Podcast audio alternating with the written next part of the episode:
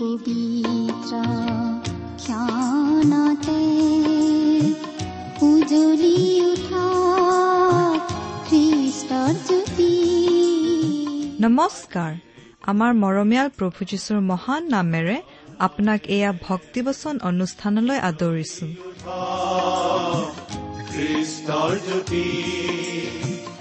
আকাশ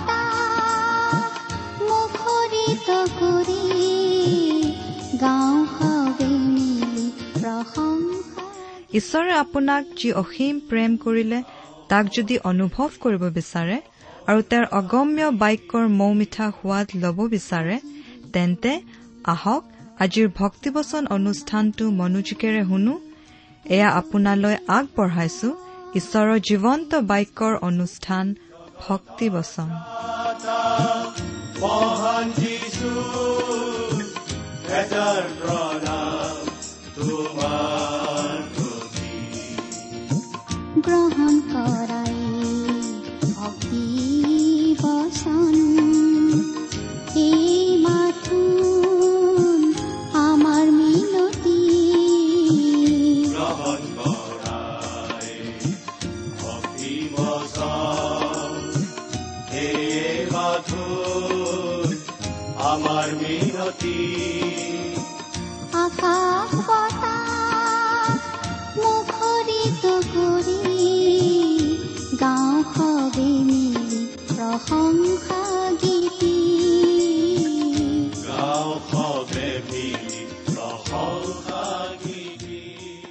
আমাৰ মহান ত্ৰাণকৰ্তা প্ৰভু যীশুখ্ৰীষ্টৰ নামত নমস্কাৰ প্ৰিয় শ্ৰোতা।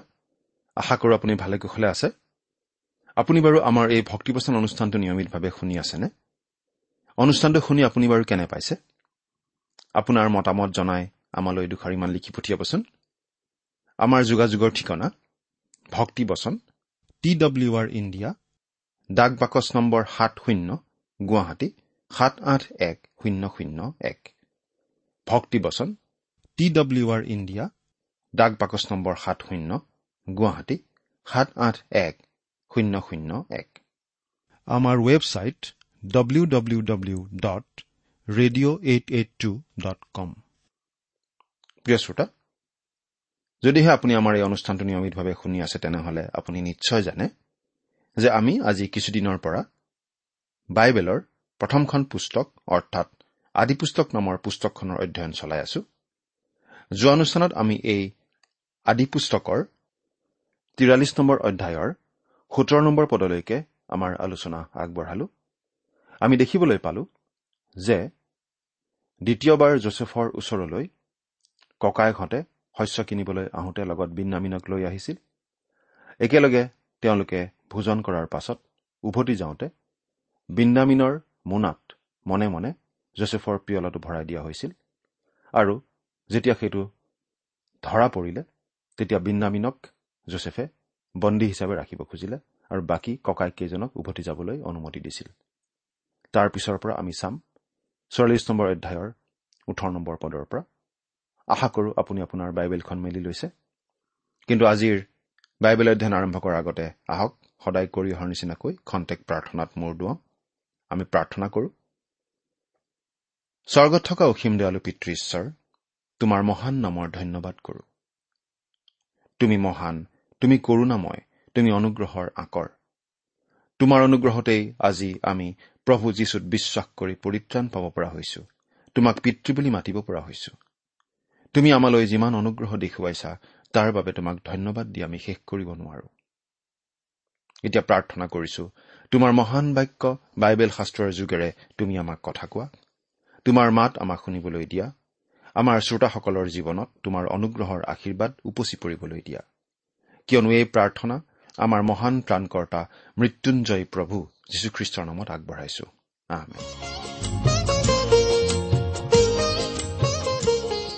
প্ৰিয় শ্ৰোতা আমি এতিয়ালৈকে পালো।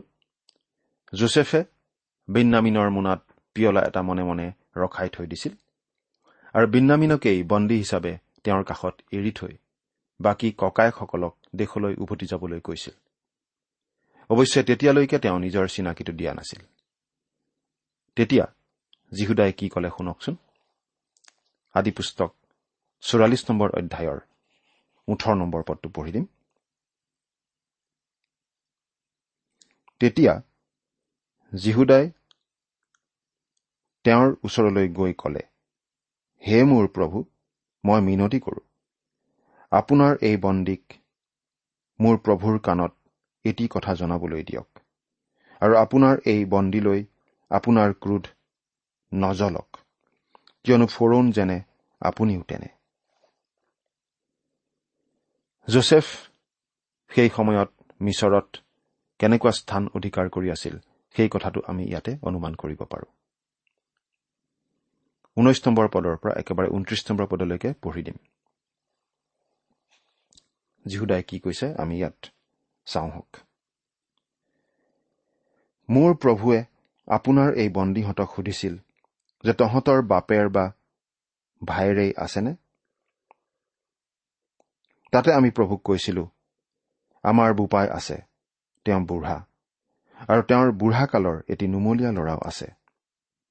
তাৰ ককায়েক হলে মৰিল তাৰ মাকৰ সিয়েইহে থাকিল আৰু তাৰ বাপেকে তাক স্নেহ কৰে। পাছে আপুনি এই বন্দীহঁতক কলে তহঁতে তাক মোৰ ইয়ালৈ আনগৈ। মই তাক নিজ চকুৰে চাম। তেতিয়া আমি প্ৰভুক কলো লৰাই বাপেকক এৰিব নোৱাৰে। কিয়নো সি বাপেকক এৰিলেই তেওঁ মৰিব। কিন্তু আপুনি এই বন্দীবোৰক কলে তহঁতৰ সৰু ভাইৰ তহঁতৰ লগত নাহিলে মোৰ মুখ আকৌ দেখা নেপাবি।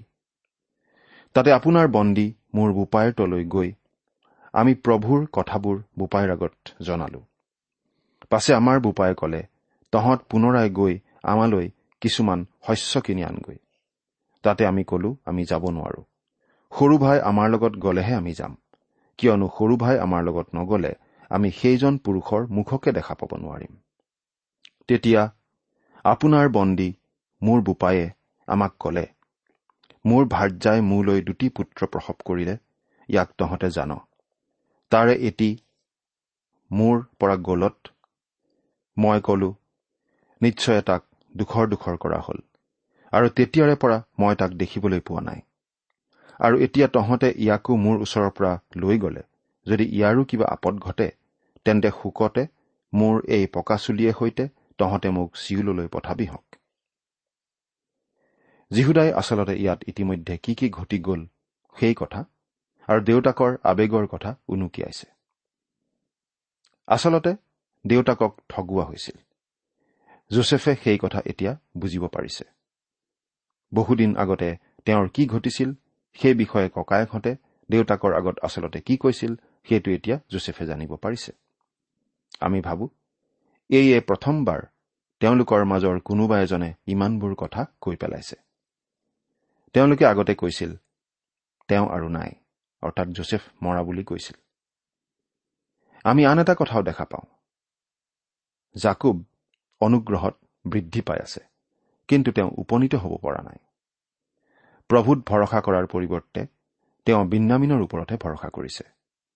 বিন্যামিনৰ কিবা হোৱা হলে তেওঁ মৰি গলহেঁতেন দুখতে তেওঁ একেবাৰে কবৰলৈ যাব লগা হলহেঁতেন। আজি বহুতো খ্ৰীষ্টীয় বিশ্বাসীয়ে ঈশ্বৰত অতি মনোমোহা বিশ্বাস প্ৰদৰ্শন কৰে যেতিয়া কোনো আপোনজনৰ মৃত্যু হয়। প্ৰিয় শ্ৰোতা আপুনি আপোনাৰ কোনোবা আপোনজন কোনোবা বন্ধুক কিমান ভাল পায় আমি ক'ব নোৱাৰো। কিন্তু আপোনালোক দুয়ো যদি ঈশ্বৰৰ সন্তান তেনেহলে এদিন যে আপোনালোকে পৰস্পৰক লগ পাব সেই কথা আপুনি জানে। বিশ্বাসত খোজকাঢ়ি থকাজনে তেনে সময়ত শোকত মৰি নাযায় অৱশ্যে দুখ লাগে। গতিকে আমি বুজি পাওঁ যে জাকুব পৰিপক্ক হোৱা নাই যদিও তেওঁ অনুগ্ৰহত বৃদ্ধি পাই আছে তথাপি তেওঁ সম্পূৰ্ণৰূপে ঈশ্বৰত ভৰসা কৰা নাই। ত্ৰিশ আৰু একত্ৰিশ নম্বৰ পদ।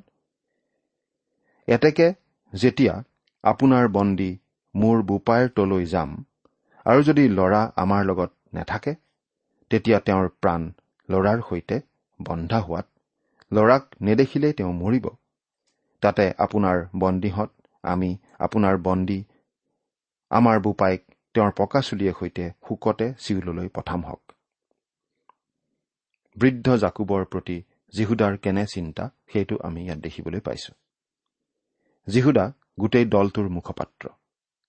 আমি ভাবো বাকী কেইজনৰ যিকোনো এজনেও আচলতে একেখিনি কথাই কলেহেঁতেন। বত্ৰিশ নম্বৰ পদৰ পৰা একেবাৰে চৌত্ৰিশ নম্বৰ পদলৈকে পঢ়িম। কিয়নো আপোনাৰ বন্দী মই মোৰ বোপাইৰ আগত এই ল'ৰাৰ জামিন হৈ কৈছিলো যে মই যদি তাক তোমাৰ ওচৰলৈ নানো তেন্তে মই চিৰকাললৈকে মোৰ পিতৃৰ আগত দায়ী হ'ম।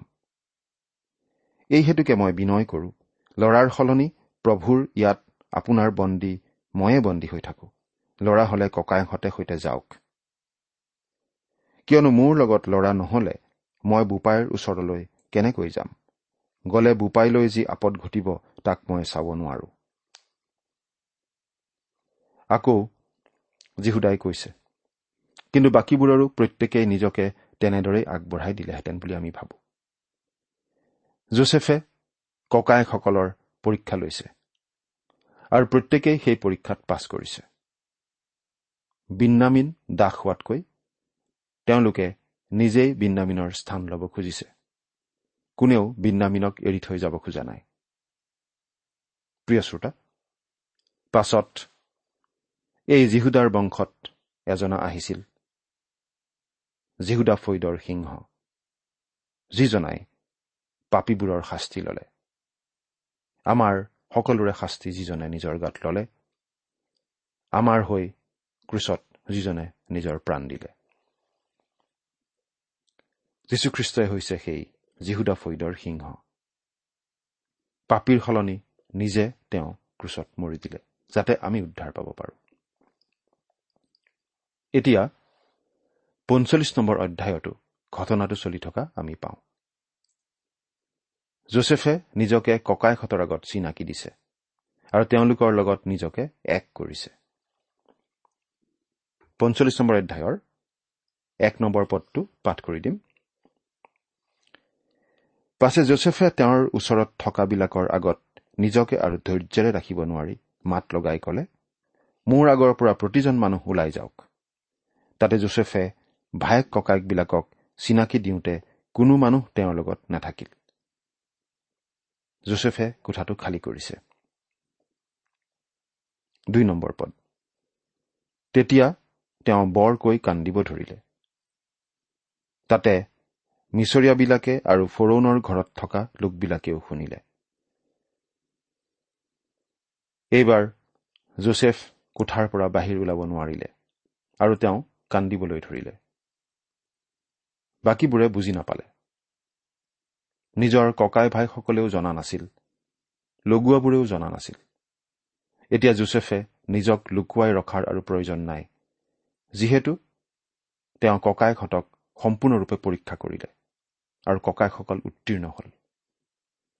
আমি এই কথা আকৌ কৈছো যে প্ৰভু যীশুখ্ৰীষ্টই ভাইসকলৰ আগত এদিন নিজকে প্ৰকাশ কৰিব অৰ্থাৎ যিহুদীসকলৰ আগত।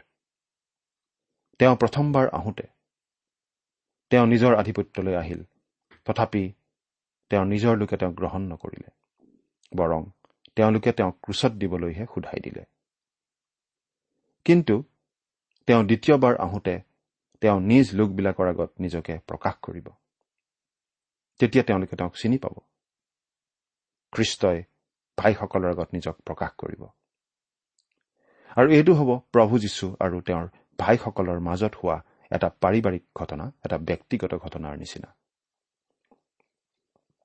সেই দিনটো কিমান সুন্দৰ হ'ব? তাৰ চকামকা ছবি এখন জোচেফে ভায়েকসকলৰ আগত পৰিচয় দিয়া ঘটনাটোৰ মাজেদি প্ৰকাশ পাইছে। প্ৰিয় শ্ৰোতা জোচেফ ইমান আৱেগিক হৈ পৰিছিল যে নিজকে সম্বৰণ কৰিব পৰা নাই। তেওঁলোকে কান্দিবলৈ ধৰিলে।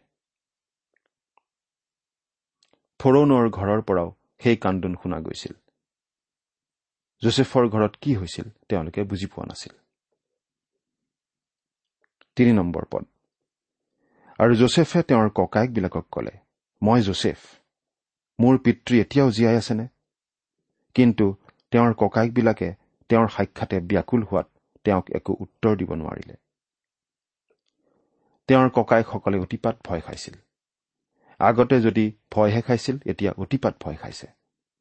তেওঁলোকে তেওঁক ইছমাইলীয়াবিলাকৰ হাতত বিক্ৰী কৰাৰ প্ৰায় পঁচিছ বছৰ হৈ গ'ল আৰু তেওঁলোকে ভাবিছে এতিয়া তেওঁ প্ৰতিশোধ ল'ব। তেওঁলোকৰ ভয়তে মুখৰ মাত নোহোৱা হৈ গৈছে নিশ্চয়। চাৰি নম্বৰ পদ। পাছে জোচেফে তেওঁৰ ককায়েকবিলাকক ক'লে বিনয় কৰোঁ মোৰ ওচৰলৈ চাপি আহা। তাতে সিবিলাক তেওঁৰ ওচৰলৈ চাপি গ'ল। তেতিয়া তেওঁ ক'লে তোমালোকে যাক মিছৰ দেশলৈ বেচি পঠাইছিলা তোমালোকৰ সেই জোচেফ ভায়া ময়েই। সেই ভায়া ময়েই। এইটো অতি নাটকীয় মুহূৰ্ত। তেওঁলোকৰ কেনে লাগিছিল আপুনি অনুমান কৰিব পাৰিছেনে? ইয়াত জোচেফৰ প্ৰতিক্ৰিয়া মন কৰক। তেওঁৰ খং উঠা নাই। তেওঁ প্ৰতিশোধ ল'ব খোজা নাই। কিন্তু সেইটোহে স্বাভাৱিক মানুহৰ প্ৰতিক্ৰিয়া হলহেঁতেন। তেন্তে তেওঁ প্ৰতিশোধ বিচৰা নাছিল কিয়? পাঁচ নম্বৰ পদ পঢ়িছো। কিন্তু তোমালোকে যে মোক ইয়ালৈ বেচি পঠালা এতিয়া তাত অসন্তোষ পাই নিজেই নিজেই বেজাৰ নকৰিবা। কিয়নো প্ৰাণ ৰাখিবৰ অৰ্থেহে ঈশ্বৰে মোক তোমালোকতকৈ আগেয়ে পঠালে। এই সকলো কথাৰ মাজত জোচেফে দেখা পাইছিল যে ঈশ্বৰে এটা বিশেষ উদ্দেশ্যতহে এইবোৰ ঘটিবলৈ দিছিল। ঈশ্বৰে তেওঁৰ জীৱনত কাৰ্য কৰি আছিল। সকলোবিলাক ঈশ্বৰৰ আঁচনি মতেই ঘটি আছিল। ছয়ৰ পৰা আঠ নম্বৰ পদ পঢ়ি দিম। কাৰণ এই দুবছৰ দেশত আকাল হৈছে। তাত বাজে আৰু পাঁচ বছৰ আছে। সেই কেইবছৰত হাল বোৱা আৰু শস্য দোৱা নহ'ব। তাতে ঈশ্বৰে পৃথিৱীত তোমালোকৰ বংশ অৱশিষ্ট ৰাখিবলৈ আৰু মহৎ উদ্ধাৰৰ দ্বাৰাই তোমালোকৰ প্ৰাণ ৰক্ষা কৰিবলৈ তোমালোকতকৈ আগেয়ে মোক পঠালে। এতেকে ইয়ালৈ মোক তোমালোকেহে যে পঠালা এনে নহয় ঈশ্বৰেহে পঠালে। আৰু তেওঁ মোক ফৰৌনৰ পিতৃস্বৰূপ তেওঁৰ ঘৰৰ প্ৰভু আৰু গোটেইখন মিছৰ দেশৰ শাসনকৰ্তা পাতিছে। আমি যদি আমাৰ জীৱনত ঈশ্বৰৰ কাৰ্য এনেদৰে দেখা পালোহেঁতেন তেনেহলে বাৰু আমি খং কৰি প্ৰতিশোধ ল'ব বিচাৰিলোহেঁতেন নে? আমি নিশ্চয় নিবিচাৰিলোহেঁতেন নহয়নে? এওঁ আকৌ ঈশ্বৰকেই সকলো গৌৰৱ দিছে। এই কথা আমি দেখিবলৈ পাইছো। মিছৰলৈ অনা সময়ত জোচেফৰ বয়স আছিল সোতৰ। তেওঁ ফৰৌনৰ আগলৈ অহাৰ সময়ত বয়স আছিল ত্ৰিশ বছৰ। তাৰ পাছত সাত বছৰ উভৈ নদী ফচল হৈছিল আৰু এতিয়া দুবছৰ আকাল পাৰ হ'ল। গতিকে জোচেফৰ এতিয়া ঊনচল্লিছ বছৰ বয়স আৰু মিছৰ দেশত প্ৰায় বাইছ বছৰ তেওঁ কটালে। তেওঁ এই সকলোৰে মাজত ঈশ্বৰৰ হাতৰ কৰ্ম দেখা পাইছে। নৰ পৰা এঘাৰ নম্বৰ পদ পঢ়ি দিম। তোমালোকে বেগতে মোৰ বোপাইৰ তলৈ গৈ তেওঁক কোৱাগৈ যে তোমাৰ পোৱা জোচেফে এই কথা কৈছে। ঈশ্বৰে মোক সমুদায় মিছৰ দেশৰ প্ৰভু পাতিছে। মোৰ ওচৰলৈ নামি আহা পলম নকৰিবা। তুমি গোচন দেশত নিবাস কৰিবা। তাতে তুমি তোমাৰ পু নাতি আৰু মেৰ চাগ আৰু গৰুৰ জাক আদি তোমাৰ যি যি আছে সেই সকলোৱে সৈতে মোৰ ওচৰত থাকিবা। তুমি তোমাৰ পৰিয়াল আৰু তোমাৰ যি যি আছে সেই সকলো দৰিদ্ৰ নহবৰ নিমিত্তে মই সেই ঠাইত তোমাৰ প্ৰতিপালন কৰিম কিয়নো এতিয়া আৰু পাঁচ বছৰলৈ আকাল আছে। এই আকালৰ সময়ত জাকুব আৰু তেওঁৰ পৰিয়াল পেলেষ্টাইন দেশত থকা হলে কেতিয়াও বাচি থাকিব নোৱাৰিলেহেঁতেন। আকালত তেওঁলোকৰ মৃত্যু হলহেঁতেন। জোচেফে তেওঁলোকক গোচন দেশলৈ আনিব খুজিছে। আৰু এই গোচন অঞ্চল মিছৰৰ সকলোতকৈ ভাল অঞ্চল। সেই অঞ্চলতেই ঈশ্বৰে তেওঁলোকক এটা জাতি হিচাপে গঢ়িব জগতৰ বাকী অংশৰ পৰা সম্পূৰ্ণ সুৰক্ষিত কৰি ৰাখি। জোচেফৰ ককায়েকহঁতৰ জীৱনৰ পৰা এইটো প্ৰকাশ পাইছিল যে তেওঁলোক কণান দেশৰ পৰা ওলাই অহাটো প্ৰয়োজনীয় আছিল। বাৰ নম্বৰ পদ। আৰু চোৱা মই যে নিজ মুখেৰে তোমালোকক কথা কৈছো ইয়াক তোমালোকৰ চকুৱে আৰু মোৰ ভাই বিন্নামিনৰ চকুৱেও দেখিছে। প্ৰিয় শ্ৰোতা আমি ভাবো যে তেওঁৰ ককায়েকহঁতে মূৰ তল কৰি অবাক হৈ থিয় হৈ আছিল। আকৌ মূৰ তুলি চাইছিল। আৰু তেওঁলোকৰ একো ক'বলগীয়া নাছিল যেতিয়া জোচেফে অতি অবিশ্বাস্য ধৰণৰ কথাবোৰ কৈ আছিল।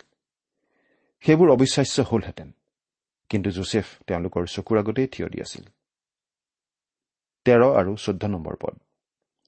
আৰু মিছৰ দেশত মোৰ সকলো ঐশ্বৰ্য আদি যি যি দেখিছা সেই সকলোকে মোৰ বোপাইৰ আগত জনাবাগৈ। আৰু তোমালোকে শীঘ্ৰে মোৰ বোপাইক ইয়ালৈ আনাগৈ। তেতিয়া তেওঁ তেওঁৰ ভায়েক বিন্নামিনৰ ডিঙিত ধৰি কান্দিলে আৰু বিন্নামিনেও তেওঁৰ ডিঙিত ধৰি কান্দিলে। এই দুই সহোদৰ ভাইৰ মাজত এয়া আছিল অতি দৰত ভৰা মুহূৰ্ত। জোচেফ আৰু বিন্নামিন দুয়ো অতি আদৰণীয় ব্যক্তি আছিল। পোন্ধৰ নম্বৰ পদ।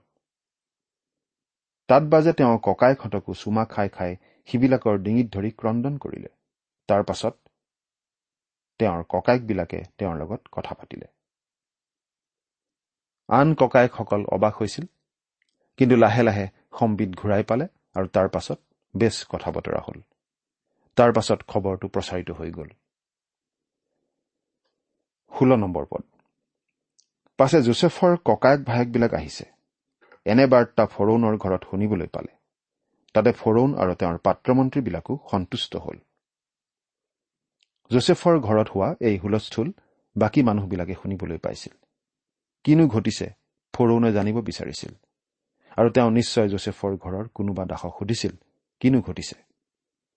দাসজনে কিজানি এনেদৰে কৈছিল জানেনে মহাৰাজ কণান দেশৰ পৰা এই এঘাৰজন লোক যে আহিছে তেওঁলোক জোচেফৰ ককায়েক ভায়েক। কথাটো শুনি ফৰৌন আনন্দিত হ'ল। কিয় বাৰু? আমি ভাবো ফৰৌন আছিল এজন হিক্সছ ৰজা। ককায়েক ভায়েক জোচেফ এই সকলো তেওঁৰ পৰিয়ালৰ সৈতে একে বংশৰ। তেওঁ মিছৰীয়াসকলক বেছি বিশ্বাসত ল'ব পৰা নাছিল আৰু জোচেফৰ বিশ্বস্ততাত তেওঁ সন্তুষ্ট হৈছিল। গতিকে জোচেফৰ নিচিনা আৰু কেইজনমান পাই তেওঁ নিশ্চয় সুখী হৈছিল। সোতৰৰ পৰা ঊনৈশ নম্বৰ পদলৈকে পঢ়ি দিম। তেতিয়া ফৰৌনে জোচেফক কলে তোমাৰ ভায়েৰা ককায়েৰাহঁতক কোৱা যে তোমালোকে এই কৰ্ম কৰা। তোমালোকৰ পশুবোৰত বুজাই দি তোমালোক কণান দেশলৈ যোৱা। আৰু তোমালোকৰ বাপেৰাক আৰু সপৰিবাৰকে লৈ তোমালোক মোৰ ইয়ালৈ আহাগৈ আৰু মই তোমালোকক মিছৰ দেশৰ অতি উত্তম বস্তু দিম। তাতে তোমালোকে দেশৰ সাৰ ভাগ ভোগ কৰিবলৈ পাবা। তুমি আজ্ঞা পালা। এতেকে তোমালোকে ইয়াকে কৰা।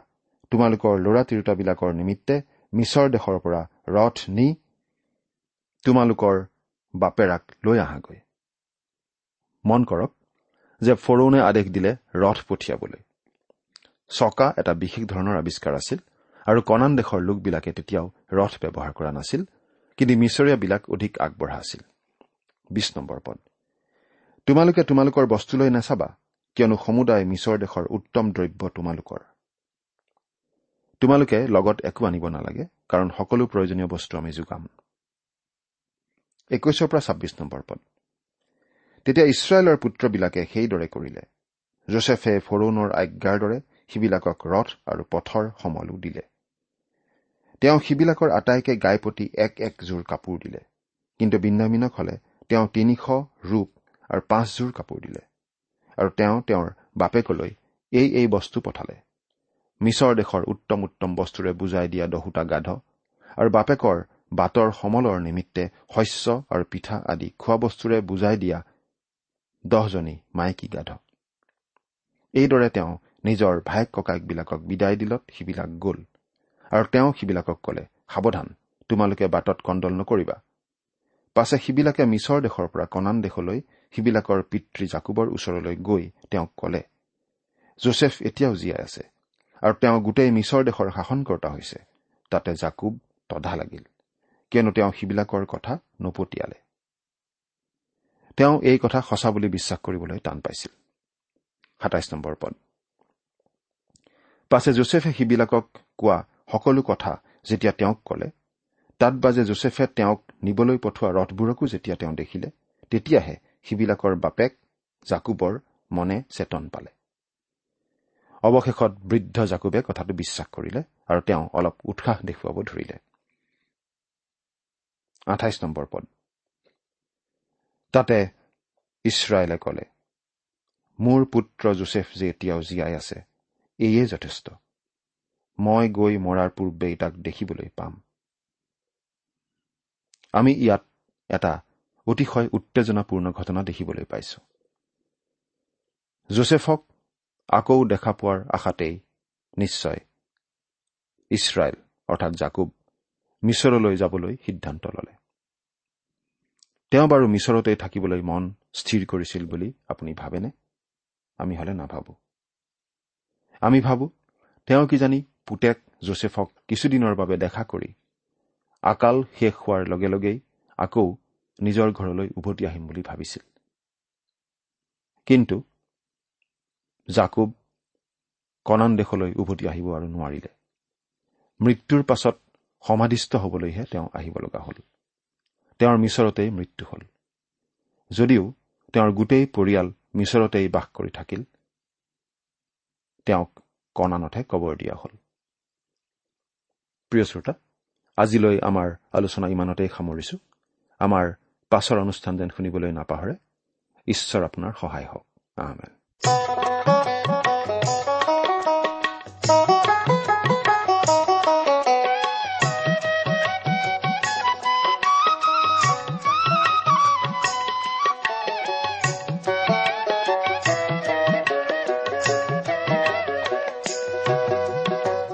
নুবুজিলা তুমি বন্ধু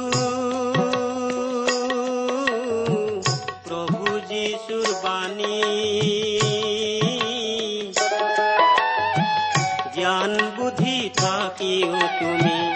জ্ঞান বুদ্ধি থাকিও তুমি। হলায় জ্ঞানী হে। নুবুজিলা বন্ধু তুমি।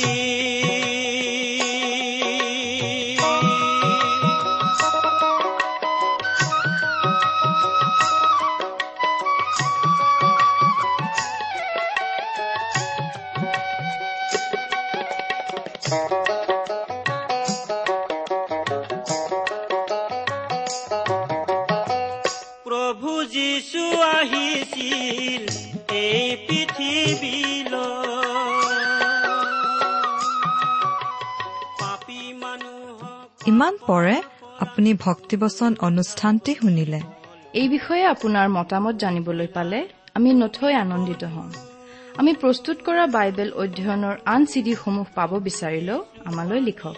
অনুষ্ঠানটি শুনি কেনে পালে আমালৈ চিঠি লিখি জনাবচোন। অনুষ্ঠানত প্ৰচাৰ কৰা কোনো কথা বুজিব লগা থাকিলেও আমালৈ লিখক। আমাৰ ঠিকনা? ভক্তিবচন ট্ৰান্স ৱৰ্ল্ড ৰেডিঅ' ইণ্ডিয়া ডাক বাকচ নম্বৰ সাত শূন্য গুৱাহাটী সাত আঠ এক শূন্য শূন্য এক। ঠিকনাটো আৰু এবাৰ কৈছো ভক্তিবচন ট্ৰান্স ৱৰ্ল্ড ৰেডিঅ' ইণ্ডিয়া ডাক বাকচ নম্বৰ সাত শূন্য গুৱাহাটী সাত আঠ এক শূন্য শূন্য এক। আমাৰ ইমেইল এড্ৰেছটো হৈছে S M is T T B at the rate radio' eight eight two dot com. আমাৰ ৱেবছাইট ইন আপুনি টেলিফোনৰ মাধ্যমেৰেও আমাক যোগাযোগ কৰিব পাৰে আমাৰ টেলিফোন নম্বৰটো হৈছে শূন্য তিনি ছয় এক দুই ছয় শূন্য চাৰি ছয় সাত এক ফোন নম্বৰটো আকৌ এবাৰ কৈছো zero' three six one two six zero' four six seven one আজিৰ অনুষ্ঠানটি ইমানতে সামৰিছো ঈশ্বৰৰ শান্তি আৰু অনুগ্ৰহ আপোনাৰ লগত থাকক। ধন্যবাদ।